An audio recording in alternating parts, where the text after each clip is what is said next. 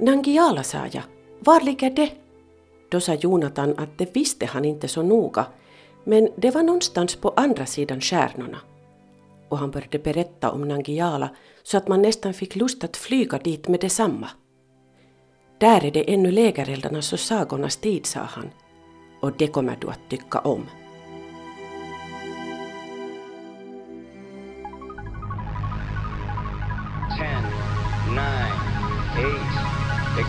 Sequence start. Five, four, three, two, one, zero. Quantum leap. Salto quântico. Salto quântico. Salto quântico. Salto quântico. Salto quantico. Salto quantico. Salto quantico. Kvantum, det du inte visste att du ville veta. När la grottmänniskan ner sin knölpåk och inledde det där som Astrid Lindgren beskrev så förtrollande i Bröderna Lejonhjärta, lägereldarnas och sagornas tid. Vi moderna människor har nämligen mycket mer av Skorpan och Jonatan i oss än vi har av den brutala Tengil. Åtminstone jämfört med våra tidiga förfäder djupt nere i stenåldern. Någonting hände nämligen med oss längs vägen. Både vårt beteende och vårt utseende blev mera, ja, civiliserat. Om det ska det här kvanthoppet handla. Markus Rosenlund heter jag. Välkommen med.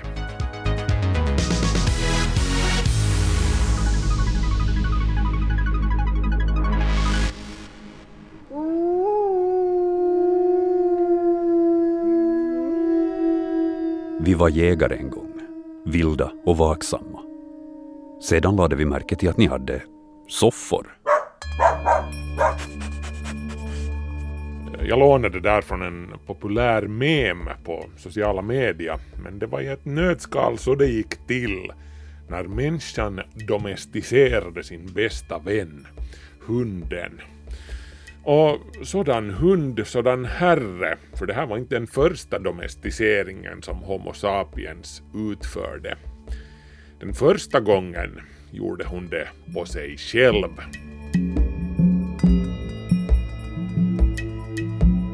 Men innan vi går in på det ska vi ta en titt på hur det gick till när hunden blev vår bästa vän. Ingen vet exakt när det skedde men den senaste forskningen pekar på mellan 20 000 och 40 000 år sedan eller så. Och så här kan det ha gått till. Tänk dig en stam av stenåldersjägare som sitter kring en lägereld om kvällen. Och här kommer en varg. Den stryker runt bland skuggorna i utkanten av eldskenet. Den är ensam. Den kanske är ung och utstött från sin flock. Den är definitivt hungrig.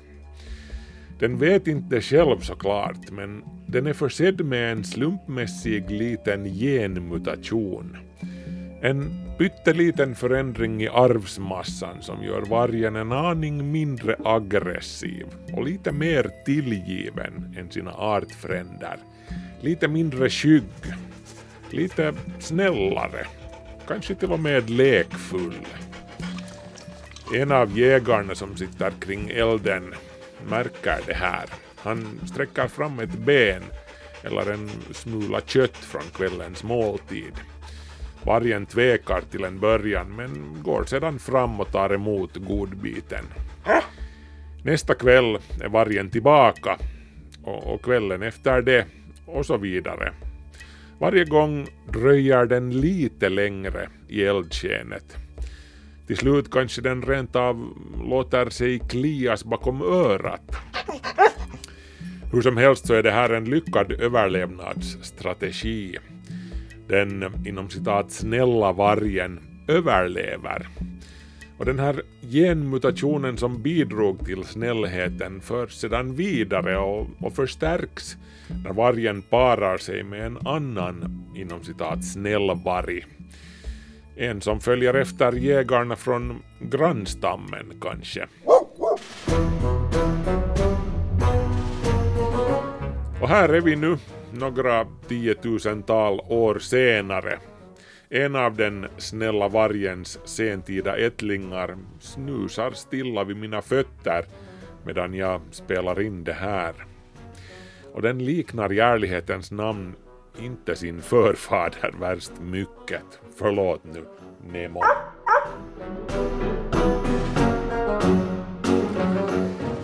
Men å andra sidan, inte gör vi det heller själva. Alltså vi liknar inte heller våra tidiga förfäder. Vi, vi har också kommit en lång väg från det där vägskälet. 600 000 år eller så tillbaka i tidens dimmor.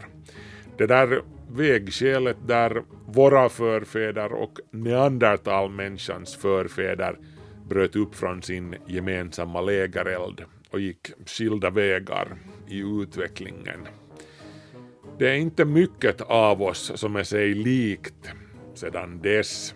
Och mot det bättre har det gått, tro det eller inte. Vi har blivit mer städade, mindre aggressiva och mer benägna att samarbeta snarare än att slå ihjäl varandra.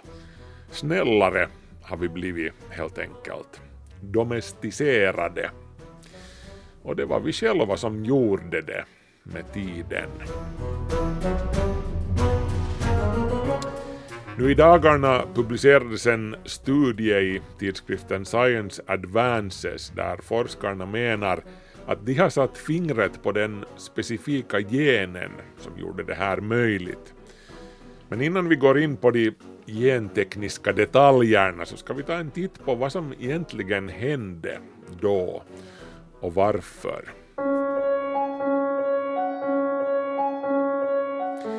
Vi knackar in året 600 000 före vår tideräknings begynnelse i tidsmaskinens instrumentpanel. Sådär. Eh, vi anländer just som solen har börjat gå ner för Homo sapiens föregångare, Homo erectus. Vår egen kvist på, på släktträdet Homo sapiens är alltså troligtvis ett skott från Homo erectus gren och den här förgreningen tros ha inletts just kring den här tiden, för sådär 600 000 år sedan. Homo erectus är inte på väg ut riktigt ännu i det här skedet. De kommer att hänga kvar till mellan 100 000 och 50 000 år före vår tideräkning, sådär. Parallellt med vårt eget sidospår, Homo sapiens. Men slutrakan hägrar hur som helst för Homo erectus. Nå, det här är ingenting att skämmas för i och för sig. Homo erectus har vid det här laget funnits i närmare två miljoner år. Och det här är någon sorts rekord för släktet Homo.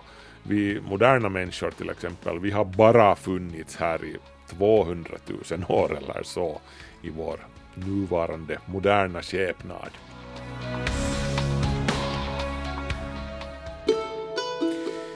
Men vem var Homo erectus då? Ja, det är från Homo erectus som bland annat vår förmåga att hantera eld härstammar. Det var de som började med det. Eh, näringstillskottet från den stekta födan gav energi åt Homo erectus hjärnor så att de kunde växa i storlek och komplexitet. Eh, det här bidrog i sin tur till nya behändiga färdigheter som att tillverka effektivare stenyxor och, och andra verktyg. Man tror också att Homo erectus var först med att använda kläder. Och det finns stenfynd som tyder på att de producerade konst, vilket skulle tyda på en förmåga till abstrakt symboltänkande. Och så var de först med att lämna Afrika också. Apropå det, en sak vet vi med säkerhet. Homo erectus bemästrade sjöfarten. Fossil av Homo erectus har hittats på de indonesiska öarna och dit kom man bara med någon sorts flytetyg, också på den tiden. De kan också ha paddlat över Gibraltarsundet. Och det här tyder också på intelligens och en förmåga att planera saker och ting på förhand, som man ju måste göra om man ska bege sig ut till havs. Men Homo erectus finner sig med tiden allt mera trängd. Ön Java i Indonesien är det sista kända tillhållet för Homo erectus. Och av allt att döma var det en klimatförändring som blev sista spiken i kistan för dem. Det skiftande klimatet ledde till att det som tidigare var öppen, savannliknande terräng förvandlades till regnskog. Och Homo erectus, utvecklad för Afrikas öppna landskap, klarade inte av de förändrade förhållandena. Deras förmåga till problemlösning och anpassning räckte inte till helt enkelt. Och så var den sagan slut. Men klimatet var inte den enda utmaningen för Homo erectus. De hade också konkurrensen från uppkomlingarna Homo sapiens att tampas med. Och det här är ett återkommande spår när det kommer till hominidernas familj, eh, den som omfattar utöver människorna också gorillorna, schimpanserna, orangutangerna och bonoboerna. Det är nämligen suspekt glest mellan stolarna på hominidernas släktträffar numera. Framförallt i sektionen som är reserverad för människorna. Väldigt mycket Homo sapiens där. Var är Homo neandertalensis, neandertalmänniskan, eller Denisova-människan som levde i Asien under samma tid som neandertalmänniskan bodde i Europa. Ehm, ja, och så ska vi inte glömma Homo naledi som bodde i södra Afrika och Homo floresiensis i Indonesien, hobbitarna som de också har kallats, med flera, med flera. Minst nio olika människoarter vandrade på jorden ännu för omkring 300 000 år sedan. Och nu är vi här då ensamma vid bordet. Är det ett sammanträffande? Vem skulle Hercule Poirot misstänka? Alas, it is guesswork, mon ami. And yet there's no smoke without a fire. Eh, Hercule Poirot skulle säkert hålla med forskarna om att spåren leder fram till ingen annan än vi själva.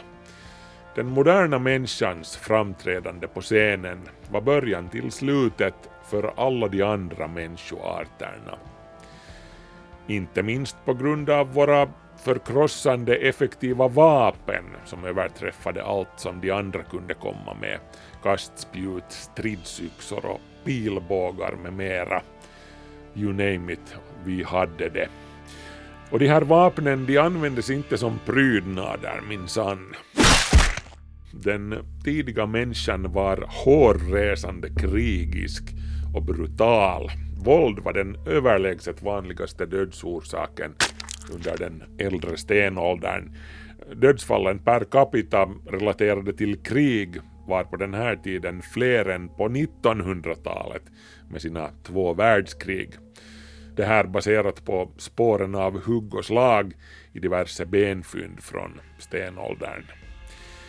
Men vi hade framförallt ett vapen som överträffade alla andra i farlighet. Vår överlägsna förmåga till abstrakt, strategiskt och taktiskt tänkande. Vår förmåga till att samarbeta och planera attacker. Vår tendens till att manipulera och bedra. Nå, det, det är ju naturligtvis svårt att bevisa det här vattentätt åtminstone. Men det är knappast ett sammanträffande att det bara går några tusen år från våra förfäders ankomst till Europa till att de ursprungliga européerna, neandertalmänniskan, försvinner spårlöst härifrån. Då snackar vi om för drygt 40 000 år sedan. Det här får en att tänka sådär lite osökt. Kan legenden om Kain och Abel från första Mosebok läsas som en metafor, som ett eko av ett kollektivt minne av det här mötet, av det här dråpet? Kain föreslog för sin bror att de skulle gå ut på fälten tillsammans. Medan de var där överföll Kain sin bror och dödade honom. Herren sa till Kain, var är din bror Abel? Det vet jag inte, sa Kain. Ska jag hålla reda på min bror? Men Herren sa, vad har du gjort? Din brors blod ropar till mig från marken.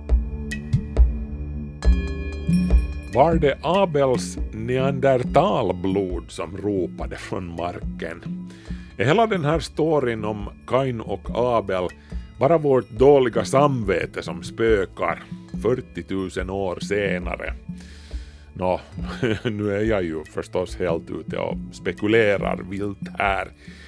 Men vad man än anser om de religiösa historiernas historiska sanningshalt så är det ett faktum att till slut var de bara en, vi, Homo sapiens.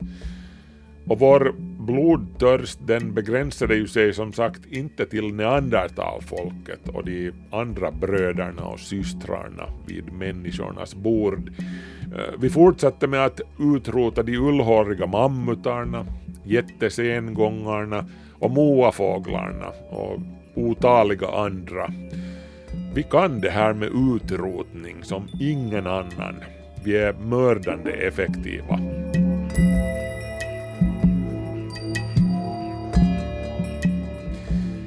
Det ska man hur som helst minnas att de andra människoarterna som levde då för länge sedan tillsammans med oss var nästan säkert minst lika våldsamma som vi. Våra närmaste nu levande släktingar, schimpanserna, är fortfarande helt otroligt våldsamma när det humöret faller på.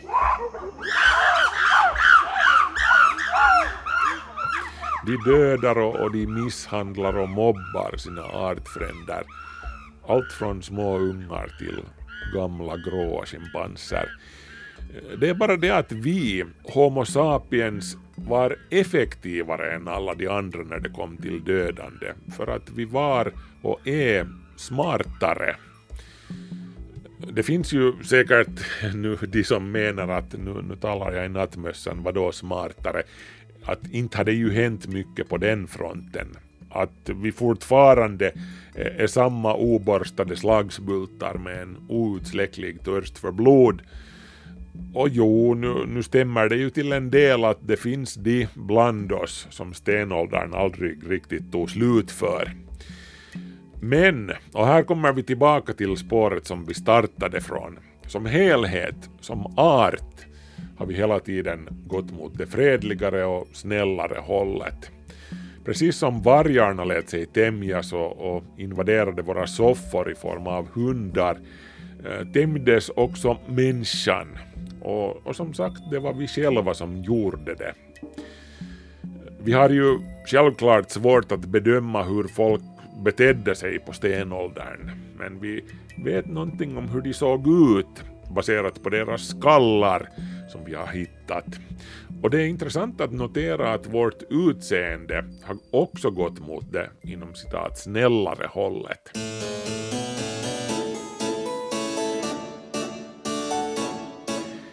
Precis samma sak hände med de där vargarna som senare blev hundar. Som sagt, våra förfäder, de domesticerade vargarna som så att de, de valde ut de snällaste, mest lekfulla och, och tamaste valparna från varje kull. Eller de valparna sökte sig till våra förfäder helt självmant. Lite av båda deras sannolikt. Och den här sortens karaktärsdrag som får vargvalpar att söka sig till, till människor i hopp om en munsbit, det, det är inte en slump. Det har sin bakgrund i, generna. Samma gener som ger upphov till ett fredligare och beskedligare beteende ger också upphov till ett snällare utseende. I hundarnas fall handlar det om sånt som mindre huggtänder, mindre skallar, eh, kortare nosar, större ögon och längre hängande öron. Kortare, mer tvinnade svansar också. Det blir mera Disney över utseendet liksom.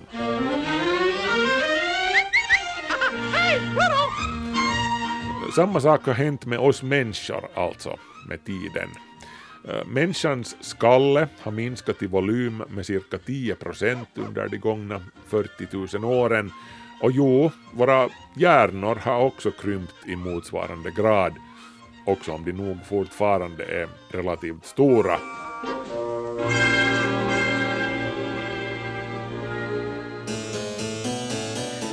Samtidigt har våra anletsdrag blivit spädare och mer feminina hos bägge könen, smalare ansikte, mindre utskjutande pannben och, och större ögon.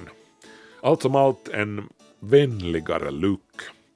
Och inte bara det, vi har på riktigt också blivit mer benägna till samarbete och, och mindre benägna att slå ihjäl varandra direkt då vi möts. Och de här förändringarna de har en koppling till mängden av en viss sorts stamceller som vi går och bär på, kallade neurallistceller. Eh, domesticerade djur har som regel färre neurallistceller än sina vilda artfränder. Helt nyligen publicerades en studie där italienska forskare lyckades pricka in vår grad av grottmannabeteende till en specifik gen i de här cellerna kallad BAZ1B eller BAS1B. Var och en av oss har två kopior av den här genen i oss, utom de som lider av ett tillstånd kallat Williams-Böyrens syndrom eller bara Williams syndrom.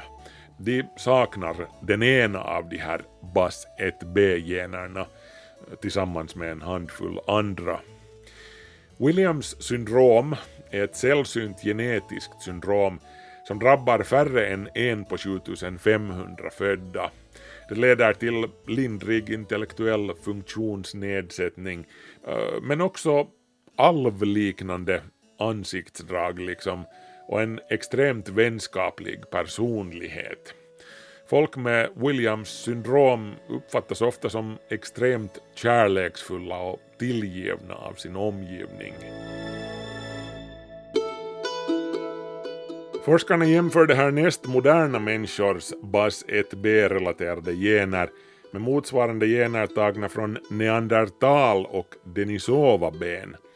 Och det visar sig att de här generna med tiden har genomgått en betydande mängd kritiska mutationer och selektiv styrning just hos oss moderna människor. Med andra ord, det naturliga urvalet har möblerat om i våra BAS1B-gener och vridit ner på våldsamhetsfaktorn. Betydligt mer än hos till exempel neandertalmänniskan.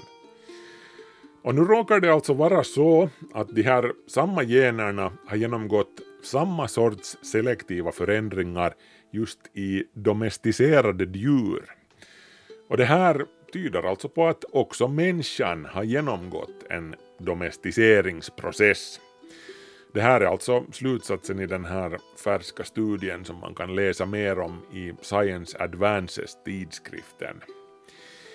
Det här är naturligtvis bara en studie och, man ska kanske vara försiktig med att läsa in allt för mycket i den.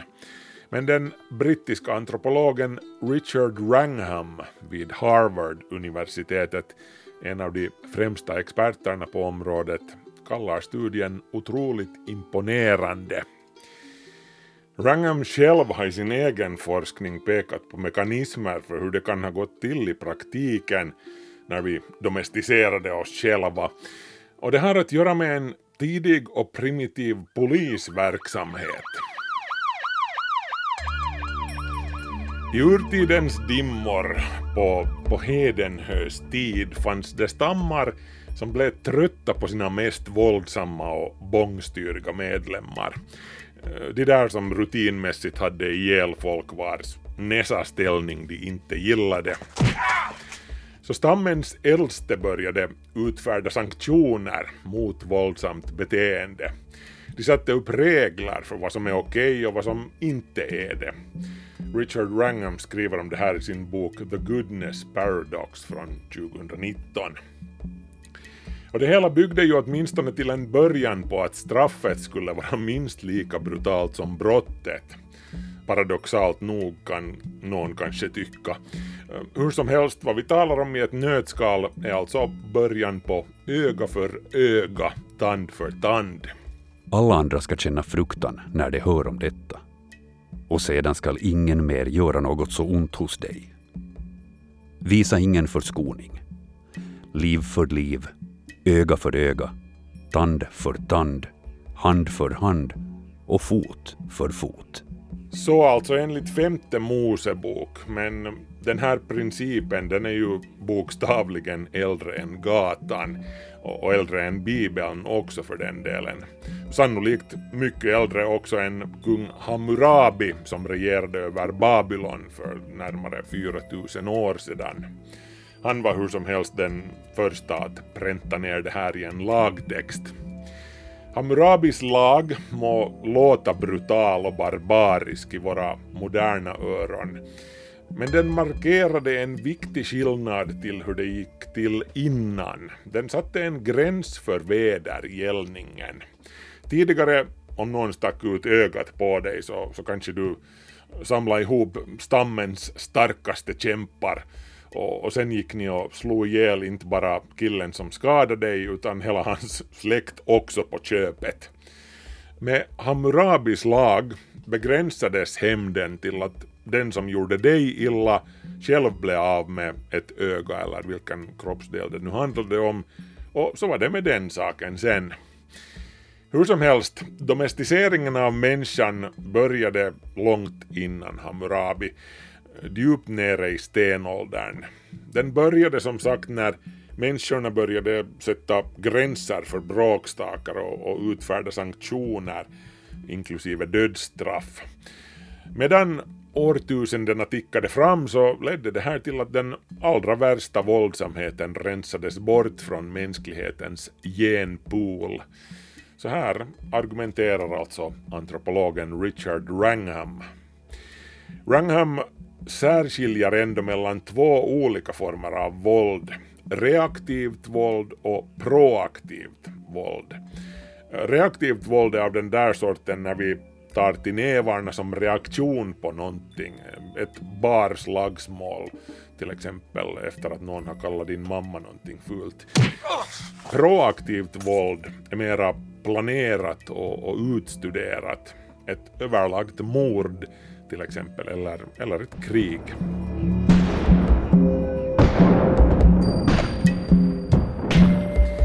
Beträffande det proaktiva våldet har vi fortfarande mycket att göra, menar Rangham. Men när det kommer till det reaktiva våldet är vi faktiskt hyfsat domesticerade redan. Rumsrena men fortfarande lite mordiska med andra ord. Som ett avsnitt av Miss Marple. Put the gun down and step away from Cannon Penny, father. Spectre, it's not what it seems. Va? Vad säger du? Tror du fortfarande inte att vi har blivit mer städade och, och domesticerade? Titta i så fall på våra närmaste levande släktingar, schimpanserna. Richard Wrangham skriver i boken Demonic Males om sina observationer av schimpanser i, i nationalparken i Kibale i Uganda. Wrangham noterade hur schimpanserna vaktar över sina territorier. Större grupper av schimpanshannar patrullerar längs territoriets gränser på ett sätt som ser rätt så organiserat ut åtminstone. Sen när patrullerna stöter på enskilda främmande schimpanser från ett angränsande samhälle angriper de, ofta väldigt brutalt, den ensamma schimpansen. Schimpanser har liksom en betydligt större tendens att flyga på obekanta artfränder som de råkar möta. Vi människor å andra sidan, vi skulle mer sannolikt fråga en annan människa som har gått vilse att ursäkta kan jag, kan jag hjälpa dig? Vår tendens och vår förmåga att samarbeta sinsemellan och, och, och lära oss av varandra eh, är mycket större än hos aporna. Till och med små människobarn förstår värdet av samarbete för att nå ett gemensamt mål mycket bättre än vuxna schimpanser.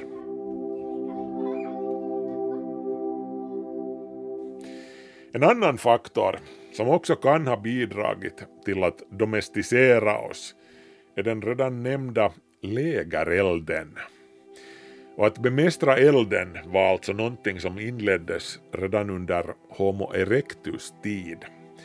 Men det var med Homo sapiens som vi verkligen trädde in i lägereldarnas och sagornas tid. Verklighetens Nangiala, kanske. Nangiala, sa jag. Var ligger det? Då sa Jonathan att det visste han inte så noga, men det var någonstans på andra sidan stjärnorna. Och han började berätta om Nangiala så att man nästan fick lust att flyga dit med detsamma. Där är det ännu lägereldarnas och sagornas tid, sa han. Och det kommer du att tycka om.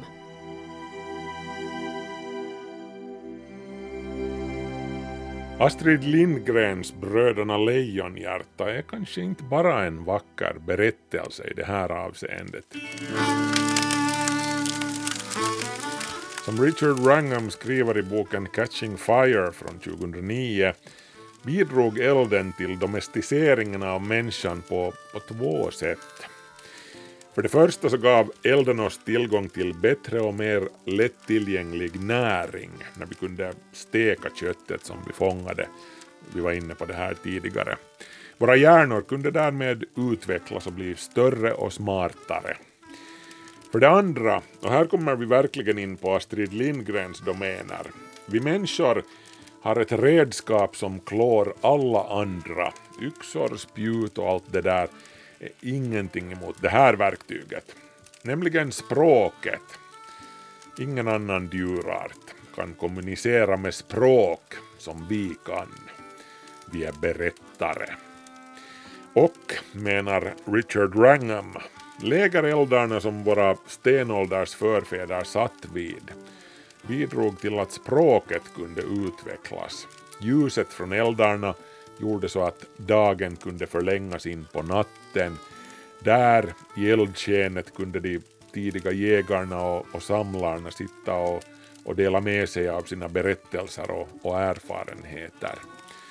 Och det här bidrog på ett avgörande sätt till att språket utvecklades, vilket gav oss en möjlighet att snacka saker och ting till rätta istället för att automatiskt slå den andra i skallen med en knölpåk som seden var. Plötsligt gav det dig en evolutionär fördel att ha ett smort munläder, inte bara hårda nävar. Och på så vis gick domesticeringen av människan vidare. Ja, och sen i något skede kommer det en hungrig och snäll varg strykande också i hopp om att få en munsbit vid lägerelden och, och då är vi tillbaka där vi började.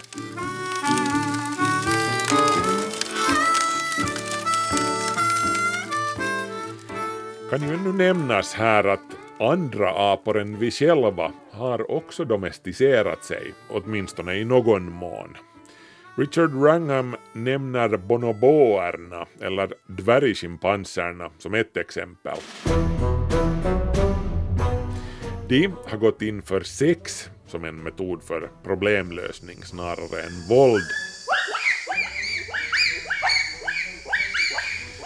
Bonobo-samhällena domineras av starka honor som knyter koalitioner med varandra, eh, delvis baserade på sex med varandra.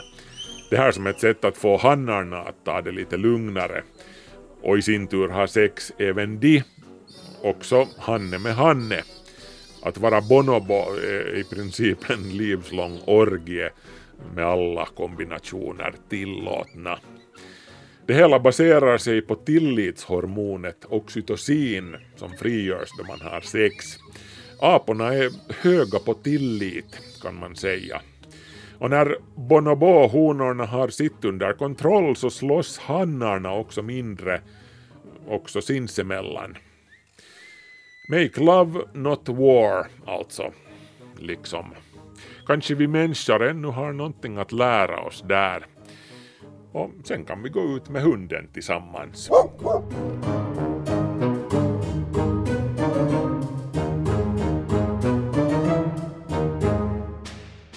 Och med det sätter vi punkt för det här programmet, men fortsätt vara snälla med varandra. Ett nytt kvanthopp hittar du igen nästa lördag på Yle Arenan. Vill du kontakta oss så går det bra via e-postadressen kvanthopp yle.fi eller så kan du gå in på vår Facebook-sida. Markus Rosenlund heter jag. Tack och på återhörande. Hej så länge.